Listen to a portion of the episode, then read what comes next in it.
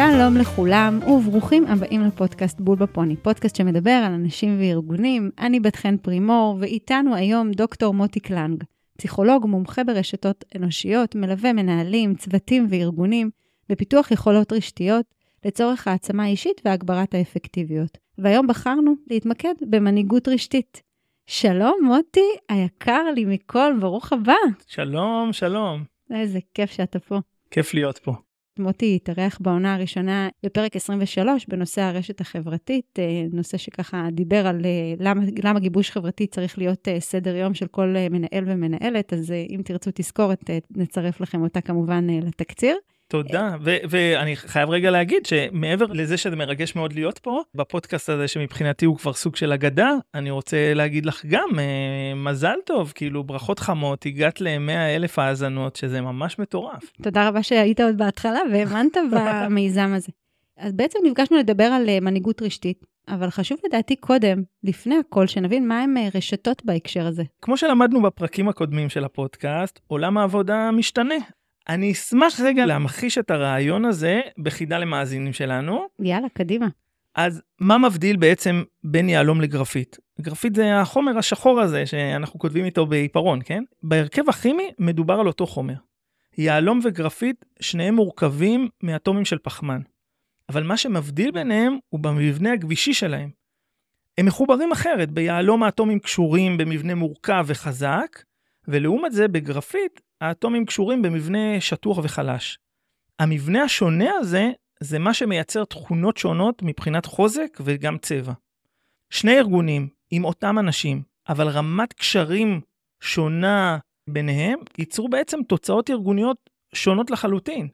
לדעתי היום אנחנו כל כך עסוקים ברעיון של גיוס ושימור הטובים ביותר בארגונים שלנו, אבל לא מקדישים מספיק תשומת לב לקשרים בין האנשים, לשותפויות בין היחידות הארגוניות. ודרך הקשרים הבין-אישיים האלה עוברים המון משאבים שהם חשובים לארגון, ידע, רעיונות, ערכים, עזרה הדדית. הרשתיות הזאת של אנשי הארגון היא זו שבעצם תביא לתוצאות ארגוניות אחרות ותהפוך את הארגון שלנו ליהלום. דוגמה מדהימה, אני ממש מתחברת אליה, ואני תמיד אוהבת לשאוב השראה מעולם הטבע לעולם הניהול. ההנחת היסוד החשובה בגישה הזו היא שרשתות ארגוניות הן חזקות יותר מהיררכיה, אם אני מבינה נכון, mm-hmm. ובהתאם אנחנו באמת מעבירים את הפוקוס שלנו ממבנים ותהליכים פורמליים ליכולת של אנשים וקבוצות לייצר השפעה, להניע לפעולה, להעביר ידע באמצעות אה, חברויות, מערכות יחסים ויחסי אמון. כמנהלים ומנהלות זה באמת מאתגר אה, להתרחק מהתפיסה הריכוזית שאנחנו חווינו אותה, וההיררכיות והגדרות התפקיד שאנחנו מכירים, ומנגד אנחנו צריכים באמת לאמץ כאן איזושהי פתיחות, אוטונומיה אה, ושקיפות אה, ושיתופי פעולה. זה חתיכת שינוי. אז מהי בעצם מנהיגות רשתית? מנהיגות רשתית היא בעצם תפיסת מנהיגות חדשה שמקדמת יכולת השפעה באמצעות חשיבה ופעולה רשתית. היא בעצם תפיסה הרבה יותר מורכבת ורב-מימדית לגישת היחסים במנהיגות, שהתמקדה ביחסים שיש בין המנהיג לבין המונהגים שלו. לכן בעצם מנהיגות רשתית היא היכולת של ארגונים ואנשים לבנות ולרתום מערכות יחסים, אותם הם מקיימים אחרים בארגון ומחוץ לארגון, כדי לקדם באפקטיביות מטרות משותפות. זה גם היכולת לבנות מנגנונים ארגוניים, שמאפשרים ומעצימים מנהיגים לא פורמליים וקבוצות להיות משפיעים. מנהיגות רשתית רלוונטית בעצם לכל מי שפועל ומשפיע בארגון. מנהלים כמובן, אבל גם אנשי משען, יועצים ארגוניים, מנהיגים לא פורמליים, עובדים בכלל. מחקרים מוכיחים כי הגברת רשתיות בתוך ארגונים מובילה, אפשר לסכם את זה לשלושה יתרונות מרכזיים. הראשון, שיפור ביעילות, מיצוי טוב יותר של משאבי ארגון, הגדלת ביצועים ואפילו רווחיות. השני הוא הגברת האפקטיביות, רשתיות בארגונים מעצימה את הלמידה בתוך הארגון, היצירתיות ובעיקר החדשנות שכל כך חשובה לכולנו היום. והשלישי הוא חיזוק המחוברות הארגונית.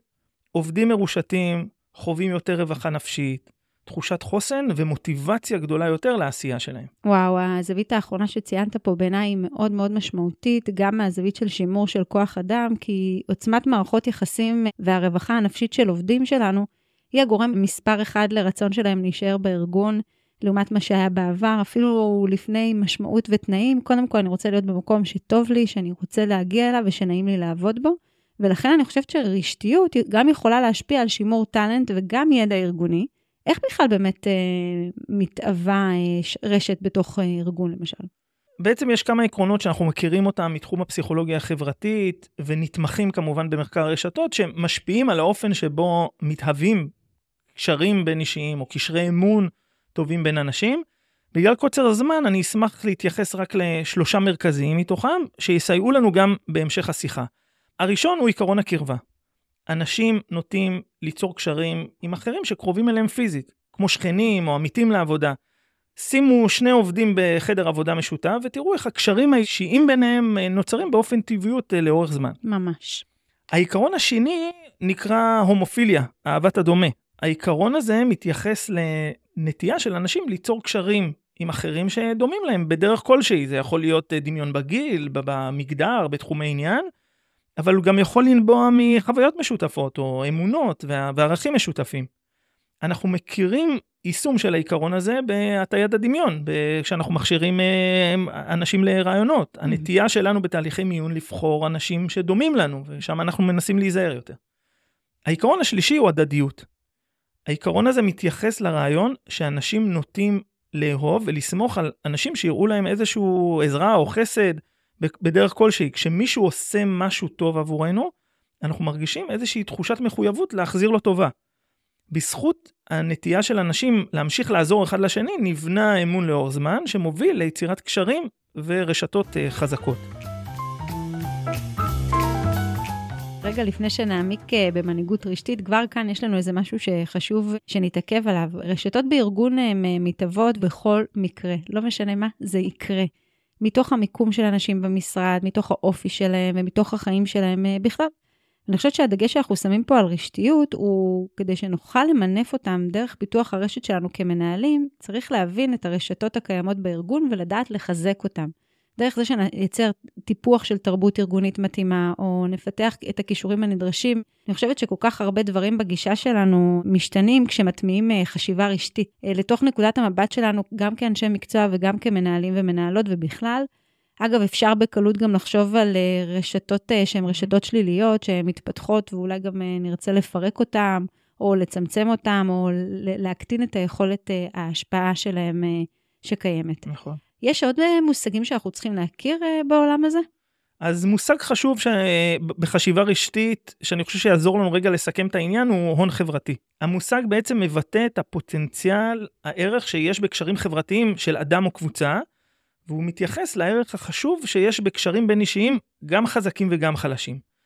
אני אולי רגע ארחיב, קשר, קשרים חזקים זה, זה אותם קשרים יציבים, משמעותיים, שאנחנו מושקעים בהם, ולכן הם מאפשרים לנו גישה למגוון רחב של משאבים, מקצועיים וגם אישיים. קשרים חלשים לעומת זה, הם אמנם קשרים רופפים שיש לנו עם אחרים, אבל אלו לרוב מאפשרים לנו גישה למשאבים ייחודיים, שונים, חדשים, לכם הם מאוד חשובים לצורך יצירתיות, חדשנות. לדוגמה, יכול להיות קשר שטחי שיש לאיזשהו מנהל עם ספק שלו, אבל הקשר הזה יכול לאפשר לו מידע או גישה לארגונים אחרים. דבר אחרון שרגע אני רוצה להגיד בהקשר הזה, שמה שמייחד את ההון החברתי, בשונה נגיד מהון כלכלי, שככל שאנחנו מבזבזים אותו יותר, אז הוא רק נבנה ומתחזק. כלומר, ככל שאנחנו נעזרים ועוזרים לסביבה המקצועית שלנו, כך ההון החברתי שלנו רק הולך ומתחזק. וממש לזרוע זרעים ו- וליהנות מהם. אהבתי את, ה- את ההגבלה שעשית מהון כלכלי, ואגב, יצא לי לקרוא מאמר אה, מאוד מעניין לגבי מערכות יחסים, שמדבר על זה שיש לנו ברשת לא רק אנשים שהם חברים שלנו, אלא גם אנשים שהם חצי-חצי, חצי חברים ואפילו גם חצי אה, אויבים כאלה. מעין כבדהו וחשדהו, ושאלה דווקא האנשים שאנחנו צריכים אה, לפתח איתם את הקשר, כי זה הסוג האנשים שהכי אה, מאתגר אותנו במובן הטוב של המילה. כי זה אנשים שאנחנו צריכים להיות יותר דרוכים לידם, אז אנחנו יותר שוקלים את הדברים שוב ושוב, ואנחנו בוחנים יותר דברים לעומק, אנחנו יותר זהירים לידם. באמת אה, זווית שהיא מאוד מעניינת בעיניי להסתכל על זה. בואו רגע נצלול עוד קצת, איזה מיומנויות דרושות למנהיגים רשתיים? מנהיגות רשתית היא בעצם תפיסה חדשה שמתפתחת בעולם המנהיגות, ולכן היא עדיין לא מוגדרת באופן שלם.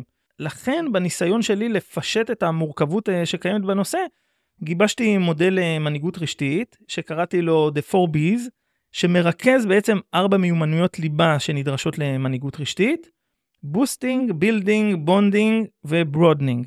שתי מיומנויות עוסקות במיצוי ופיתוח של הרשת האישית של המנהיג, מה שאנחנו הרבה פעמים מכירים כ networking, ושתי מיומנויות אחרות של פיתוח קישוריות פנימה והחוצה של הארגון אותו הוא מוביל, ונראה לי שנתחיל אה, אולי ככה לעבור על המודל יחד. אז בוא נתחיל מהמיומנות הראשונה. המיומנות הראשונה היא boosting, מיצוי והעצמה של הרשת הנוכחית של המנהיג. הנחת העבודה על המיומנות הזאת היא ההבנה שיש לנו רשת ואנחנו לא צריכים להתמודד עם אתגרים לבד. המענה לשאלות, בעיות והצרכים שלנו נמצאים כבר ברשת הקיימת שלנו. מכאן הצורך שלנו לפנות לאנשים שאנחנו מכירים להתייעצות ולשיתופי פעולה, לחפש פתרונות יצירתיים במקומות הלא טבעיים שברשת שלנו. לדוגמה, אם יש לי איזשהו אתגר בגיוס עובדים, כדאי לי להתייעץ גם עם השכן שלי, שמנהל בחברה ממשלתית, ולהבין ממנו איך בארגון שלו מתמודדים הסוגיה. חשוב לייצר שיטות ומנגנונים לשימור קשרים, בעיקר אם הקשרים הם אה, חלשים. זה יכול להיות באמצעות מפגשים, שיחות, הודעות טקסט, גם מינוף הרשתות החברתיות הדיגיטליות. כאן משתלב עיקרון ההדדיות שדיברנו עליו קודם, הצורך שלנו להיות נגישים לאחרים, להיות נדיבים במידע, במתן עצה ובמתן ערך לאחרים. אמרת נדיבות, ואני מה זה מתחברת. אחד הדברים שמרתיעים אנשים מעיסוק אה, בנטוורקינג זה תפיסה בעיניי שהיא שגויה, שמדובר באיזשהו מעשה אגואיסטי, שאני, בו בעצם אני הוא המרכז, וזה רק אני שמקבל ערך מאחרים. אבל אני חושבת שהאמת היא שרשת שהיא רשת חזקה, רק ככל שאנחנו נדע לתת ברוחב יד, מבלי לחשוש שאני מאבד מהכוח שלי או מהיתרון שלי, ומבלי כמובן לצפות אה, לקבל איזשהו ערך, כי אני מאוד מאוד מאמינה בזה שזה כבר יקרה מעצמו.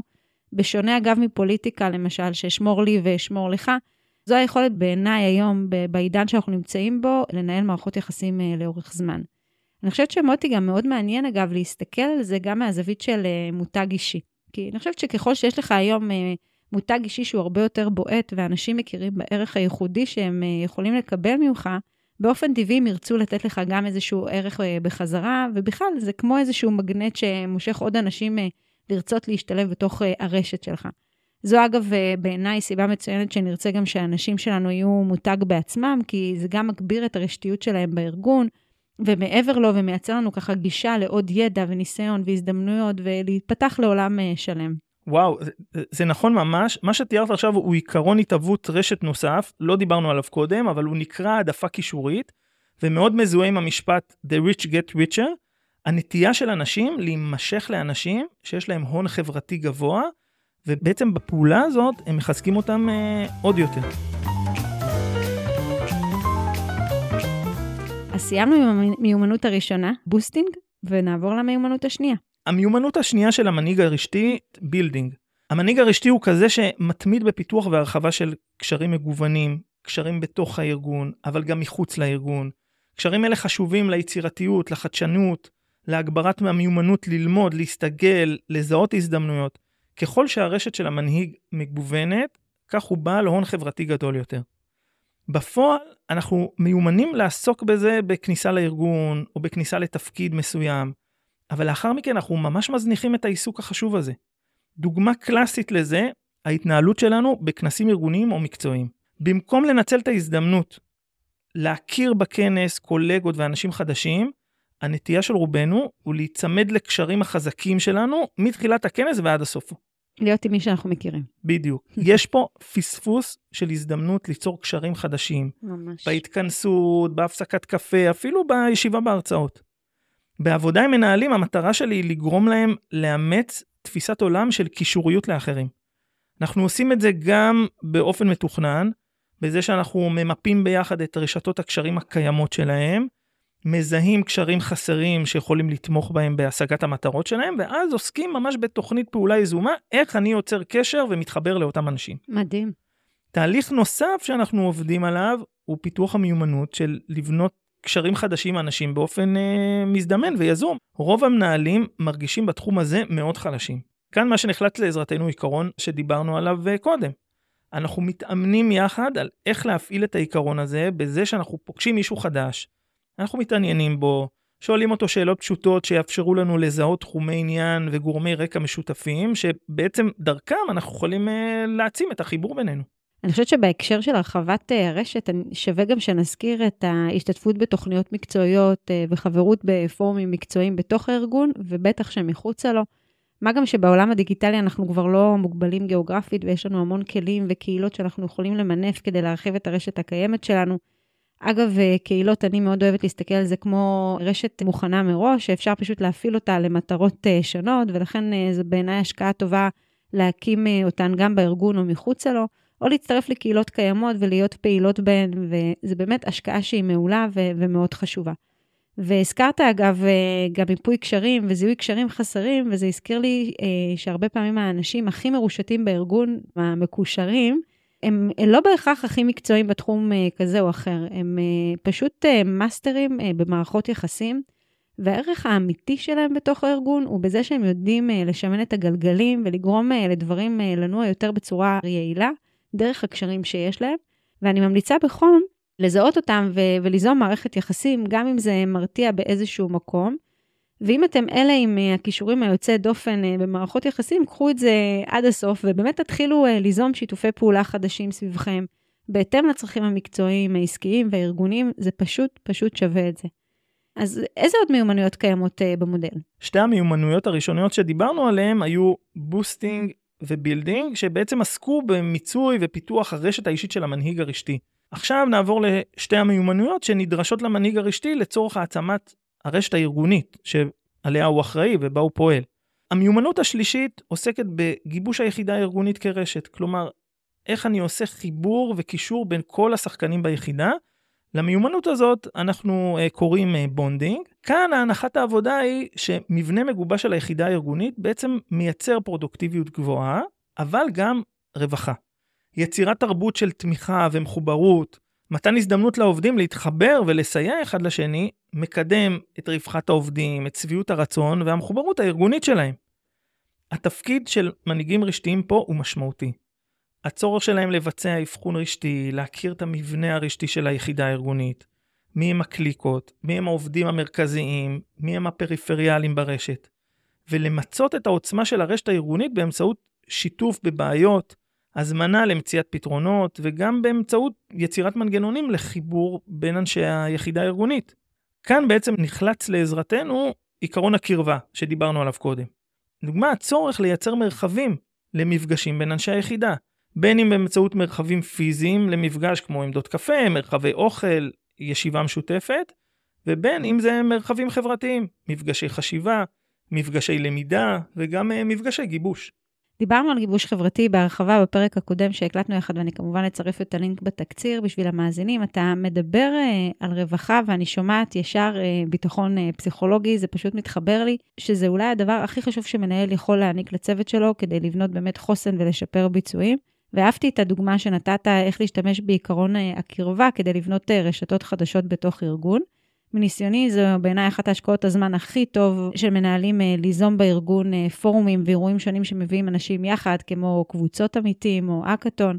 אני מכירה, אגב, למשל אה, מנהל שבאופן קבוע, פעם בשנה, הוא פשוט משנה את המבנה של הצוותים שתחתיו, ובהתאם גם את סדרי הישיבה שלהם במשרד, כי הוא מכיר בערך של חיבורים חדשים להפריה הדדית. מדהים. אז הגענו למיומנות האחרונה, הרביעית. המיומנות הרביעית והאחרונה היא בהרחבת גבולות הרשת הארגונית. מיומנות שאנחנו מכנים אותה broadening. המטרה היא ליצור קישוריות גם מחוץ ליחידה. לפתוח קשרים חיצוניים של היחידה הארגונית ואנשים שלה עם יחידות ארגוניות מקבילות בארגון, או מחוץ לארגון. קישוריות כזאת מאפשרת בעצם הכנסה פנימה של ידע, רעיונות, שמעודדים יצירתיות וחדשנות. דוגמה מצוינת לכך היא שיטה שנהוגה במעונות בארצות הברית שנקראת דיור חוצה תחומים. האוניברסיטה משבצת סטודנטים מפקולטות שונות שמתגוררים באותו מרחב מגורים. ומחקרים הראו שהשיטה הזאת מובילה לכמה יתרונות. אחד זה פיתוח רעיונות חדשניים בזכות הורדת המחסומים האלה בין המחלקות השונות. הסטודנטים חשופים לסטודנטים אחרים ולנקודות מבט ודרכי חשיבה שונות. הדבר השני זה טיפוח תחושת קהילה, בעיקר בין סטודנטים שכנראה לא היו נפגשים מעולם בשיטה הישנה. ושלישי, זה פיתוח מיומנויות בין אישיות. הזדמנות לקיים תקשורת יעילה עם אנשים אה, רקעים, מדיסציפלינות שונות, דבר שמשרת את מקום העבודה העתידי שלהם. אז באופן דומה רצוי שגם אנחנו בארגונים שלנו נשקיע ביוזמות שמחברות בין עובדים ממחלקות או מצוותים שונים דבר שיאפשר ליצור אה, רשת חברתית שמקדמת יצירתיות, קהילתיות, שיתופי פעולה. כדי לממש את אה, מיומנות ה broadening, מנהיגים רשתיים צריכים קודם כל להגדיר את הרשתיות כמשימה, ולתת דוגמה אישית לאחרים שתעודד אותם. הם צריכים להפעיל מנגנונים של חיבוריות עם יחידות ארגוניות אחרות. לדוגמה, לייצר קבוצות חשיבה שכוללות משתתפים חיצוניים ליחידה.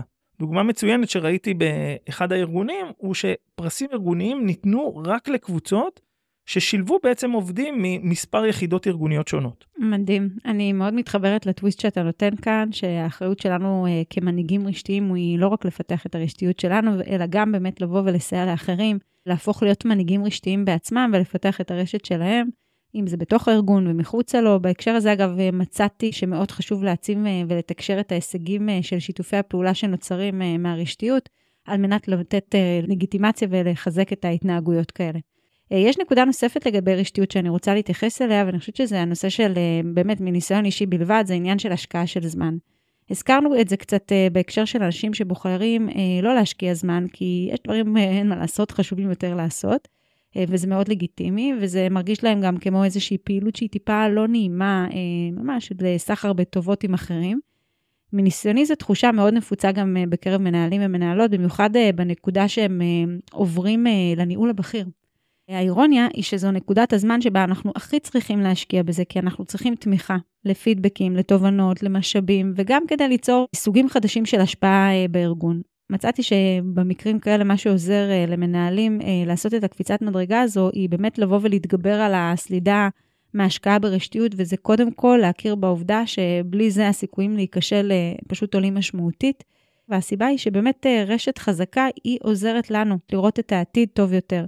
להבין מה המגמות בארגון, ובטח ובטח מחוץ לו, להבין את האג'נדות של השחקנים השונים ואת נקודת המבט שלהם, ולהבין לאן רוח, אה, רוח המפקד אה, באמת אה, נושבת, ואז להתכונן בהתאם. אני חושבת שהשקעת זמן ברשתיות היא זאת שבאמת מאפשרת לנו לבוא ולנתב את כל שאר הזמן והעבודה שלנו ושל האנשים שלנו למקומות הנכונים.